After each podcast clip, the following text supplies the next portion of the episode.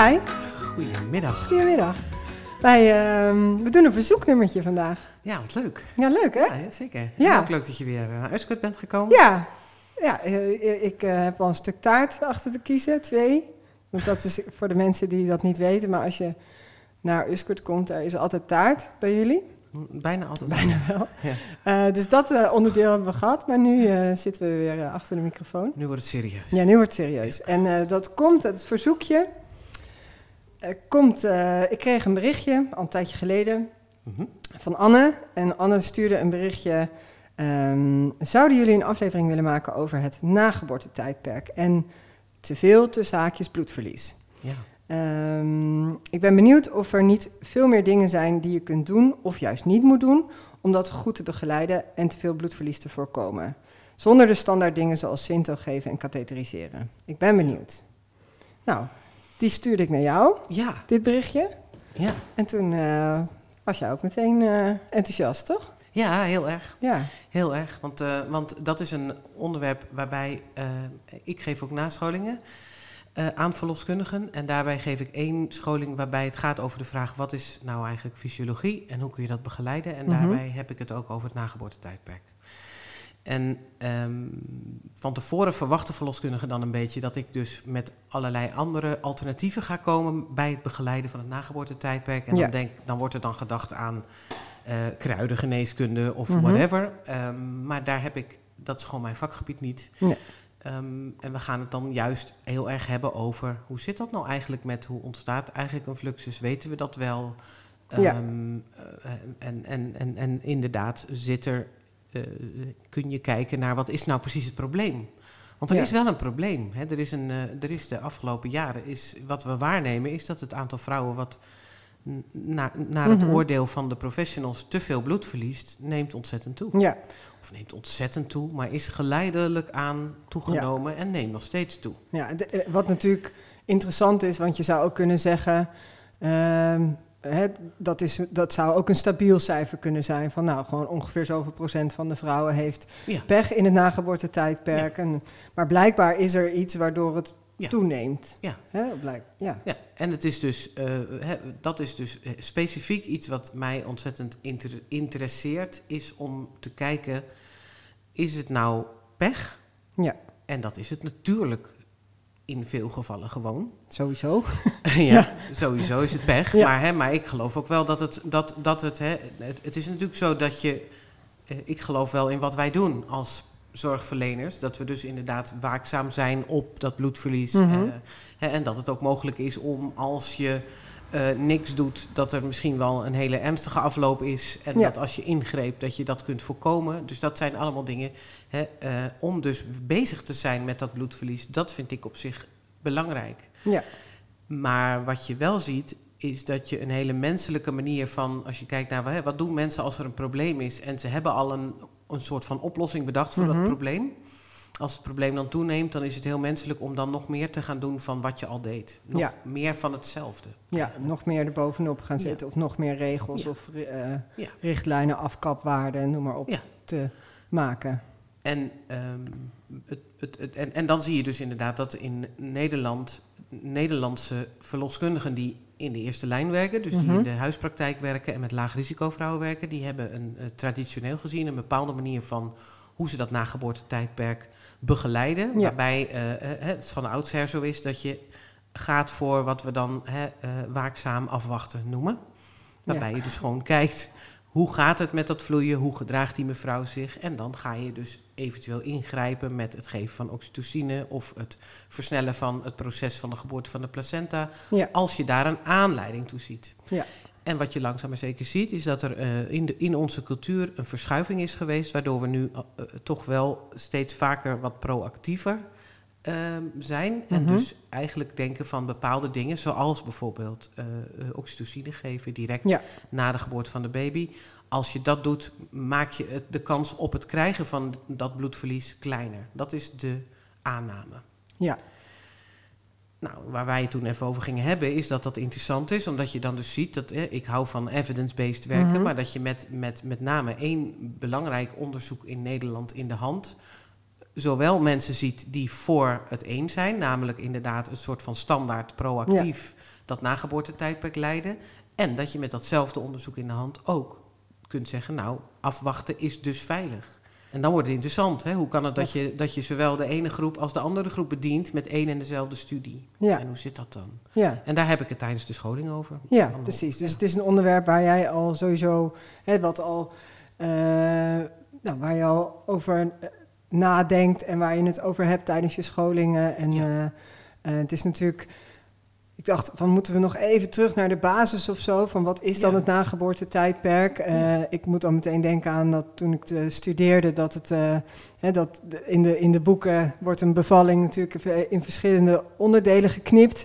Eh, de ontsluitingsfase en de persfase, Ja. of uitdrijving, en het nageboortetijdperk. Ja. Die is in de boeken en in je studie net, net zo belangrijk als het, als het stuk ervoor. Ja. Ehm, terwijl in de praktijk is de baby dan al geboren. Dus ja, waar de focus tijdens de bevalling vooral op ligt, namelijk de baby komt eraan, is er bij de professionals daarna ook nog een, eh, Ja. eh, een belangrijk stuk, namelijk dat nageboortetijdperk. En dat Ja. gaat tussen het stuk dat de baby is geboren en dat de placenta wordt geboren. Ja.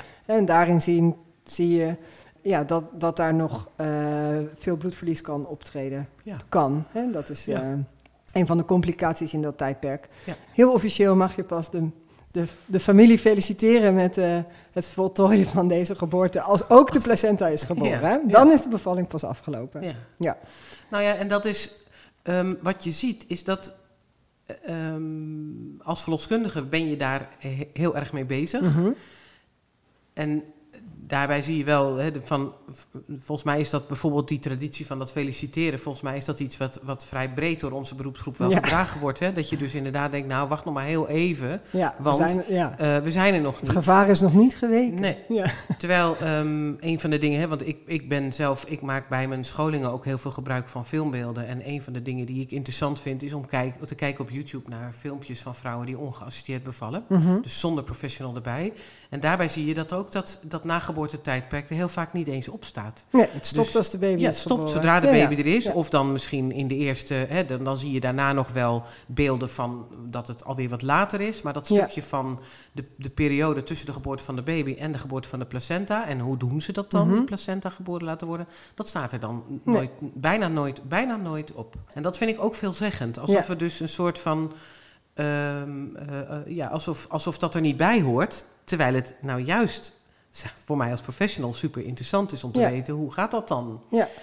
Omdat ik wel eh, weet dat we ehm, bijvoorbeeld, als het gaat over het verzamelen van data, heb je, he- he- kijken we bij, bij het verzamelen van data over ernstig bloedverlies, Mhm. kijken we wel naar allerlei dingen van.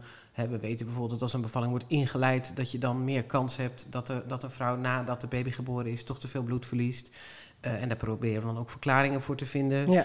Ehm, we weten ook dat er bepaalde omstandigheden zijn. Als een vrouw niet zulke goede wee maakt. Of als de baby heel groot is. Dat het zou kunnen zijn Ja. dat ze meer kans heeft op bloedverlies. Langdurige bevalling. Langdurige Ja. bevalling. Terwijl we ook weten dat dat heel vaak niet zo is. Dus Ja. waarom is het dan soms wel zo en soms niet zo? En dan kom je toch achter, ja, dat weten we niet Weten we precies. niet zo goed. Nee. En dus is het een vraag die ik interessant vind, is om te zeggen van ja, en als er nou dan geen professional bij is die überhaupt bezig is met dat bloedverlies, hoe vaak komt het dan eigenlijk voor? Hoe Ja. vaak?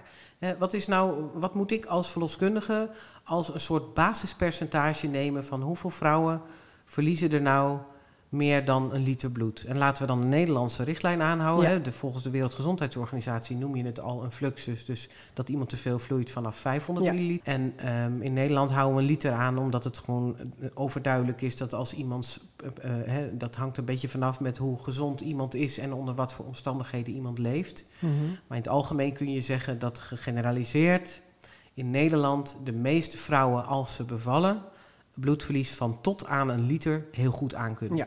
En dat is natuurlijk niet altijd zo. Soms zie je dat vrouwen al voordat ze een liter gevloeid hebben, wel degelijk al zien, symptomen vertonen dat, het, Mhm. hè, dat ze last hebben van het verlies van het volume van hun, eh, van hun bloed.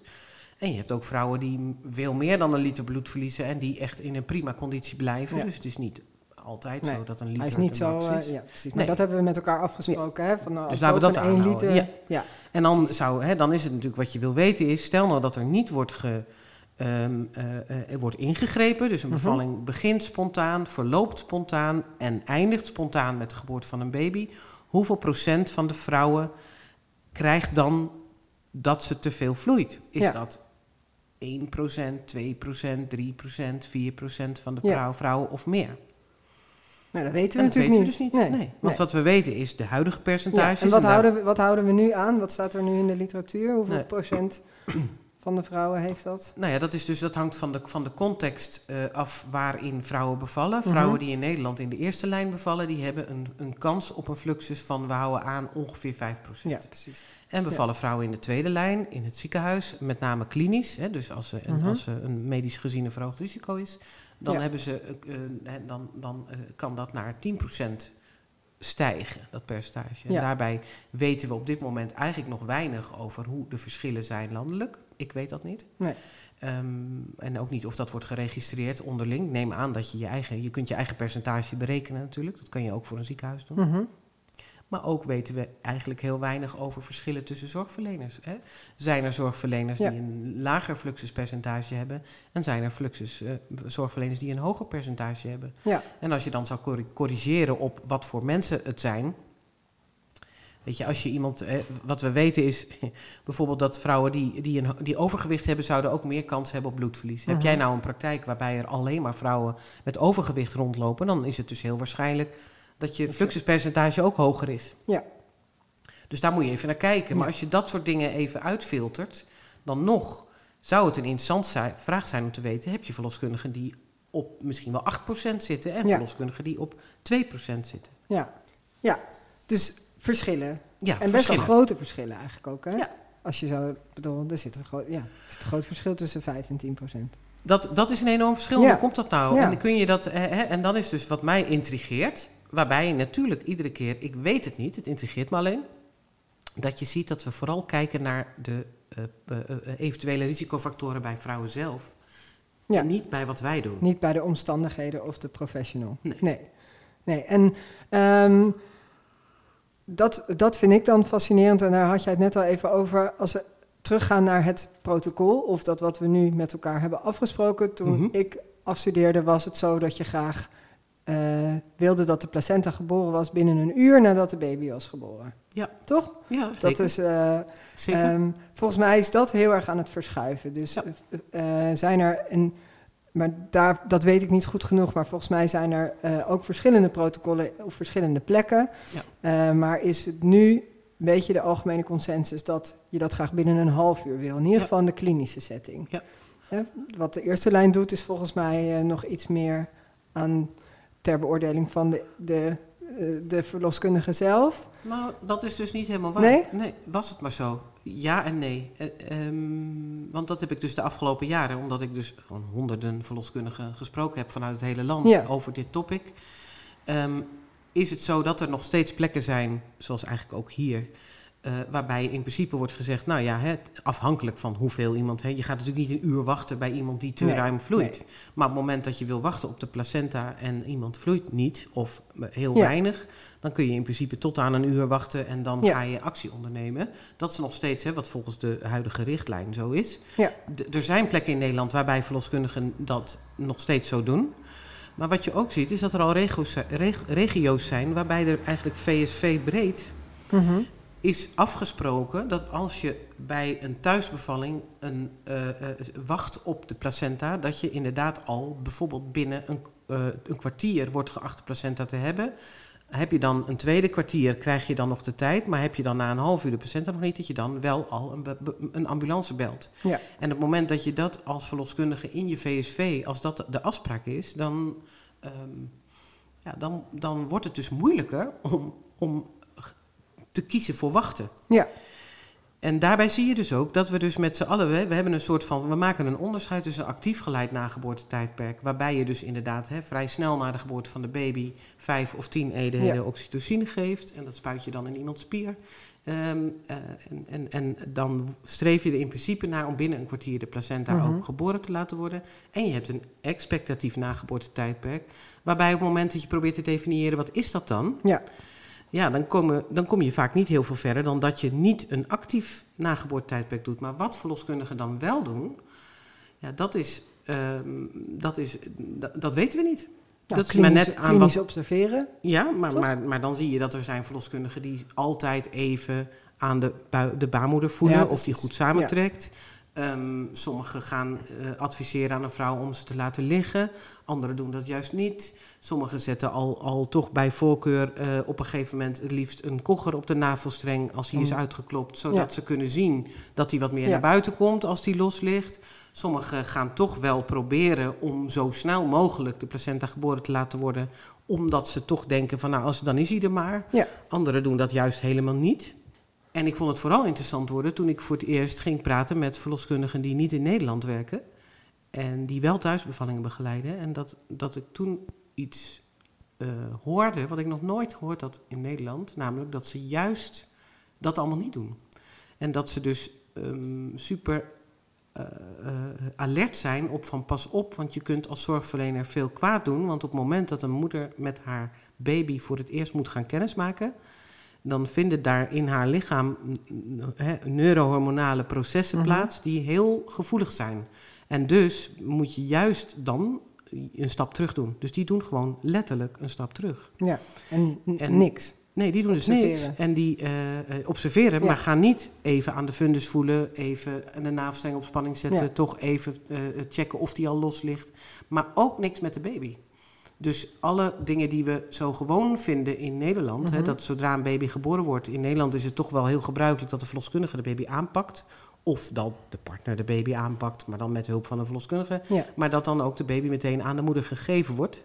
En wij zijn wat minder gewend om eh, een baby, hè, als een baby geboren wordt, de baby neer te leggen. Als een vrouw op bed bevalt, de baby op het bed neerleggen. Of als ze op de baarkruk bevalt, de baby op je schoot neer te leggen. En dan te kijken wat die vrouw zelf doet om haar baby te pakken. Ik weet natuurlijk niet of dat uitmaakt, want dat, dat kun je niet onder, dat is heel lastig om te onderzoeken. Ja. Je zou het kunnen onderzoeken, maar dat is niet onderzocht. Of dat uitmaakt voor hoe vaak er te veel bloedverlies is. Of dat verschil Ja. maakt. We nemen maar aan dat het allemaal niks uitmaakt. Hè? Nee. Baby wordt geboren, we geven de baby aan de moeder aan, we drogen de baby af, we zetten het baby een mutsje op. Eh, er is van allerlei bedrijvigheid Mhm. om die moeder heen. Ze krijgt een schoon matje, er wordt gecheckt dit, wordt gecheckt dat. Ja. Nou ja, dus- maar, en dus dat gaat niet alleen om de baby en de moeder, Nee. maar ook om onze eigen rol in die fase. Hè? Precies. Dus het is, dat is meer, meerledig. Meer Het gaat over meerdere factoren die daar Ja. ehm, heel erg zich bemoeien met eh, wat er daar eigenlijk gebeurt. En als je dan dus gaat praten met verloskundigen. Ja, ik begon dus met een verloskundige uit België. Mhm. En vervolgens ging ik me wat meer verdiepen en kom je dus ook bij verloskundigen in Australië, verloskundigen in Nieuw-Zeeland, Ja. verloskundigen in Groot-Brittannië, die dus, eh, Canada, ook een belangrijk land als het gaat over hè, dat je dus een, het vak midwifery bekijkt eh, vanuit de ogen van, hè, van dat het een vak is. Ja. Dan zie je dat die verloskundigen, even gegeneraliseerd, hier dus heel erg mee bezig zijn. En dan is het ge- gekke is dat wij in Nederland daar helemaal voorbij kijken. Helemaal, zijn er Ja. helemaal niet mee bezig. Nou, even terug Lijkt naar het. de. Ja, maar dat komt denk Ja. ik ook. Hè, daar hadden wij het ook over in de voorbereiding hiervan. Ehm, door het verschuiven of het veranderen van afspraken hierover, of het beleid. eh, op het moment dat je thuis bent met iemand. ehm, je bent als verloskundige ook altijd een beetje vooruit aan het denken, toch? Ja, dus als tuurlijk. iemand is bevallen en, en zelfs als je super hands-off bent, maar je bent een half uur verder en er is nog, hè, er is natuurlijk ook geen bloedverlies, maar er is ook Nee. geen placenta. Nee. En je denkt, nou ja, goed, eh, dat kunnen we heus nog wel even eh, een tijdje aankijken. Maar wat nou als hij er over een half uur nog niet is? En ik ga dan de boel in werking zetten. En ik ben dan anderhalf uur of misschien wel twee uur nadat de baby is geboren pas in het ziekenhuis. ehm, met een vastzittende placenta. Ja, dan ben, dan ben ik echt ver over dat, hoe we het met elkaar hebben afgesproken... dat de meest optimale zorg is wat betreft het nageboortetijdperk. Dus dat blijft altijd een afweging van ga ik... Hè, zit ik op vertrouwen en, en eh, tenminste dat is even dan vanuit mijzelf. Ik weet niet, kan natuurlijk niet namens alle verloskundigen praten, helemaal niet. Maar eh, eh, ga ik op vertrouwen zitten en, en wacht ik rustig af. En, eh, en eh, de kans dat ze geen fluxus krijgt is 95%, dus daar Ja. hou ik me aan vast. Ja. Of denk je, ja, maar wat als het dan wel zo is en ik kom pas een, een tijd later in het ziekenhuis, hebben, zijn dan niet de rapen gaar? En niet Ja. alleen voor mezelf, maar ook voor deze mevrouw. En ik moet ook vaak denken aan dat verhaal van jou, eh, wat je me wel eens verteld hebt over een mevrouw die een vastzittende placenta had eh, hè, en thuis was Mhm. bevallen. En anderhalf uur later eh, lopend de ambulance inging zonder één druppel bloedverlies. Hè? Dus zij was klinisch gewoon hartstikke stabiel. Er was geen, geen spoed, er was geen probleem. Maar jij kwam aan met deze mevrouw.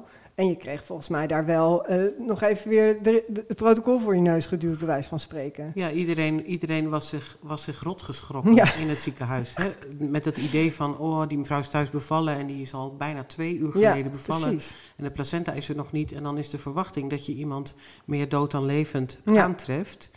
En dan zie je ook dat er vaak allerlei van die een soort van mantra's rondzingen van hoe langer de placenta mhm. er niet is, hoe groter de kans is dat iemand te veel bloed verliest. Terwijl daar is, dat is natuurlijk waar, alleen is dan de vraag hoe komt dat? Want hoe langer de placenta blijft zitten, hoe groter de kans is dat de placenta manueel verwijderd gaat worden. Ja.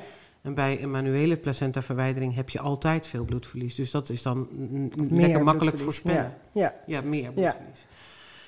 Nou ja, maar dat vind ik dus, dat, dat, doordat we het zo willen af timmeren, dicht willen timmeren, dat er minder bloedverlies, manuele placentaverwijdering of fluxussen moeten komen, komen er misschien juist wel weer meer. Zo voelt dat dan, omdat dus die klok gaat tikken. Ja, nou ja, en omdat je dus ziet, en dat is volgens mij in het algemeen, we focussen ons dus op een, een ingreep en de voordelen van die ingreep, mhm. maar dan een ingreep heeft ook altijd nadelen. En dat is dus, weet je, en dan kan je zeggen van ja, wat is dan, hè, en dan zou het wat mij betreft zo kunnen zijn dat als je het op deze manier doet. Dus je gaat bijvoorbeeld steeds vrouwen steeds minder tijd gunnen om gewoon te wachten, met, mhm. terwijl je niks doet. Of het dan niet in een bepaald, het onbedoeld het bijeffect is dat je misschien wel, doordat je zo hands-on bezig bent, meer kans op bloedverlies veroorzaakt. Ja. En dat weten we gewoon niet. En dat zouden we wel moeten weten, volgens mij.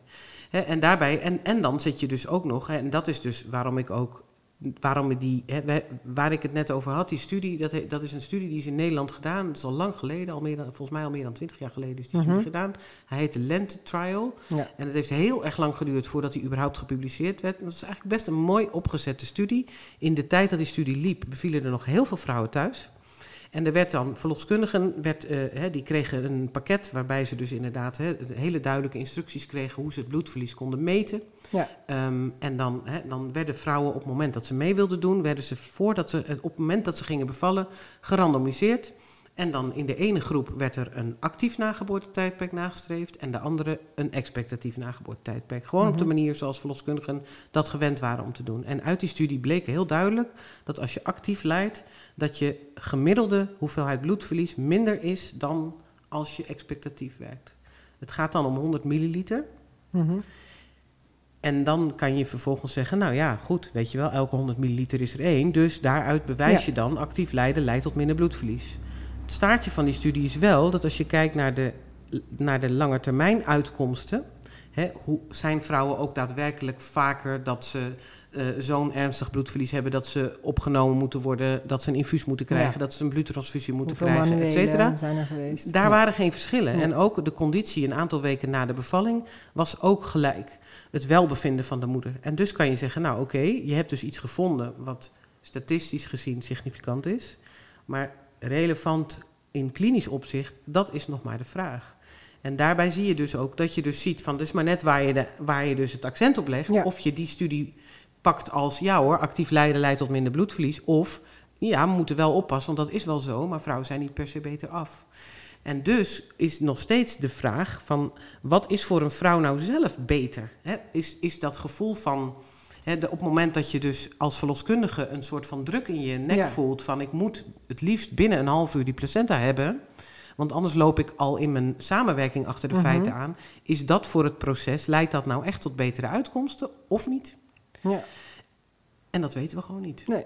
Terwijl we wel weten, want dat is dus, hè, dat is dus, toen werd het helemaal interessant. Er zijn dus een aantal studies, dat zijn dan retrospectieve cohortstudies. Dus dat zijn studies waarbij je wel degelijk kan zeggen, nou moet oppassen met daar al te veel gevolgen aan verbinden. Maar het is wel interessant om te zien dat er studies gedaan zijn, zowel in, in Australië als in Nieuw-Zeeland, waarbij de, de manier waarop die verloskundigen daar werken, vergeleken wordt met de met, hè, als je corrigeert op de risicoprofielen van de vrouwen, daar mhm. in Australië en Nieuw-Zeeland mag je als vrouw kiezen waar je onder zorg gaat. Dus ook volkomen gezonde vrouwen bevallen daarin derde lijn centra. Die vrouwen, het fluxuspercentage in het derde lijn centrum, meestal is dat rond de 10%. En die verloskundigen hebben dan een, komen op een fluxuspercentage van nog geen 2% uit. Ja. En daar, moet je, daar kan je verder niks mee, behalve dat je kan zeggen, dat is interessant. Als het verschil zo groot Mhm. is, dan moet er toch een factor bij ons liggen. In de organisatie van de zorg Ja. of in de uitvoering van de zorg. Ja. En dat is waar mijn interesse ligt, van, eh, da- daar, daar mis ik data. Mhm. En dus mis ik ook, als het dan gaat om de vraag van Anne, van zijn er nou nog Ja. andere dingen die je kunt doen? Dan is het antwoord ja, dat zou kunnen. Namelijk niks. Ja. Namelijk oppassen, ook met de kleine dingetjes die je als verloskundige gewend bent om te doen. Maar dus wat meer kijken naar wat gebeurt daar nou op het moment dat een baby net geboren is. En dat intrigeert mij enorm. Het is, eh, wij, wij doen net alsof het twee afzonderlijke individuen zijn, die moeder en die baby. Maar dat is, dat is in een bepaald opzicht is dat niet waar. Hè? Een- Nee. de, die baby is in de overgangsfase van zelfstandig leven, gaat natuurlijk net zelf ademen, Ja. maar moet nog in alles is het volledig afhankelijk van die moeder. Mhm. Temperatuurregulatie, Ja. voedselvoorziening. Hè, dat, dat, zijn, dat zijn dingen waarbij je ziet van eigenlijk is het een eenheid, die twee. Ja. Hoe, hoe support je dat? Hè? Want is het dan misschien wel zo dat die moeder op een bepaalde manier, als ze op een bepaalde manier kan focussen op haar jong, op haar kind, beschermt haar dat misschien wel omdat dan de fysiologie van haar eigen lichaam werkt? Verstoren wij haar fysiologie? Ja. Weet je, ik weet het niet. Nee. Ik weet het werkelijk niet, maar ik vind het wel interessant Ja. eh, om naar te kijken. En daar zit Ja. volgens mij best een wereld, eh, eh, ook juist voor verloskundigen, om ook zelf te kijken. ja. van En het met elkaar over te hebben of zo. Nou. hè? Want, Dat is goed wat je Ja. dat zegt, want dat is dus een kleine frustratie van mij dat het dus niet lukt. het lukt ons altijd wel om de waarde van interventies ook Ja. aan de markt te brengen. En het lukt ons veel slechter om de waarde van niks doen. Niks doen wordt altijd gezien als niks doen. Terwijl, ja, maar interventies zijn ook veel... doen. Iets doen is Ja. veel beter te onderzoeken dan niet doen. ja, Snap je? Dus, maar niks doen Ja. is, is, is veel moeilijker dan iets doen. ja, zeker. En, Dat ken je eh, zelf ook. Ja, ja, absoluut. Ja. Nou, en wat ik nog leuk, of wat ik altijd, waarin ik merk dat ik zelf eh, in de loop der jaren dat ik werk als verloskundige in ben veranderd, is ook hoe, dus ja, letterlijk hoe begeleid je dat na geboortetijdperk? Eh, en, en dan niet van wat doe je wel en wat doe je niet, maar ook hoe wordt eigenlijk een placenta normaal geboren? Ja, Hè, dus, want ik heb ook geleerd met controlled core traction. Of, en je hebt de, hoe heet die greep van eh Kushner Kushner nog? en eh, buiksteun. buiksteun. Dus er zijn allerlei manieren waarop je... Ik ben dat- nu trouwens met mijn handen aan het uitbeelden. Ja, ziet er heel maar leuk het uit. ziet er heel leuk uit. Ze heet maar Kushner iedere en van verloskundige weet, ja. Weet wat ik eh, nu aan het doen ben. Maar dat zijn natuurlijk allemaal dingen die we doen. eh, eh, zoals, en zeker hoe ik ze geleerd heb... om een placenta geboren te laten worden... of om te Ja. checken dat die los ligt. Maar in ieder geval Ja, interventies. ja. Maar als je dat niet doet, hoe wordt een placenta dan geboren? Even los van wanneer. Hè? Dus is dat binnen twee minuten of is dat binnen twintig minuten Mhm. of whatever. Maar gewoon. ehm, en dat is ook fascinerend, want zelfs als vrouwen steeds meer verticaal baren, Ja. of het op de kruk is of handen, knie of in bad, dan zie je toch vaak, ook bij mij, dat vrouwen dan daarna met hun baby in bed gaan liggen. ja.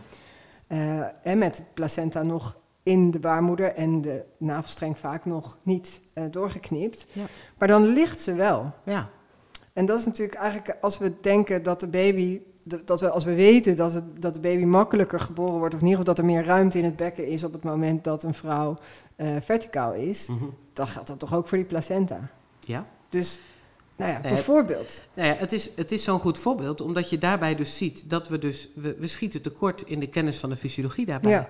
Hè, want, want we hebben dus, we zijn zo gewend om dat op een bepaalde manier te doen, dat we, ehm, en ook om dat zelf te doen, hè, want dat is andersom, zie je namelijk ook, dat is heel logisch, vrouwen realiseren het zich vaak niet eens dat er nog een placenta moet Nee. komen. Laat staan dat ze daarin zelf een actieve rol willen hebben. En dan moet je al heel erg gepokt en gemazeld zijn als zwangere zelf om daarover na Ja. te denken. En dan nog, ik bedoel, als je geen enkel filmpje kan vinden over hoe gaat dat nou normaal, ga maar eens op YouTube kijken naar Ja. filmpjes van de geboorte van de placenta. Er staan filmpjes zat.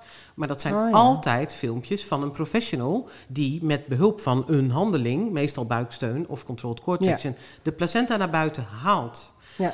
Alsof hij niet ook in de meeste gevallen spontaan naar buiten komt. Ja, en, en hoe lang Ja. duurt dat dan? Ja. Want we weten wel wat we weten. En ik geloof ook wel dat dat zo is. Dat is wel onderzocht. Weet je, dat, wat vaak wordt gezegd van nou, binnen, in, de, in, in weet ik veel, verreweg de meeste gevallen ligt de placenta binnen 10 minuten na de geboorte van de baby los. Ja.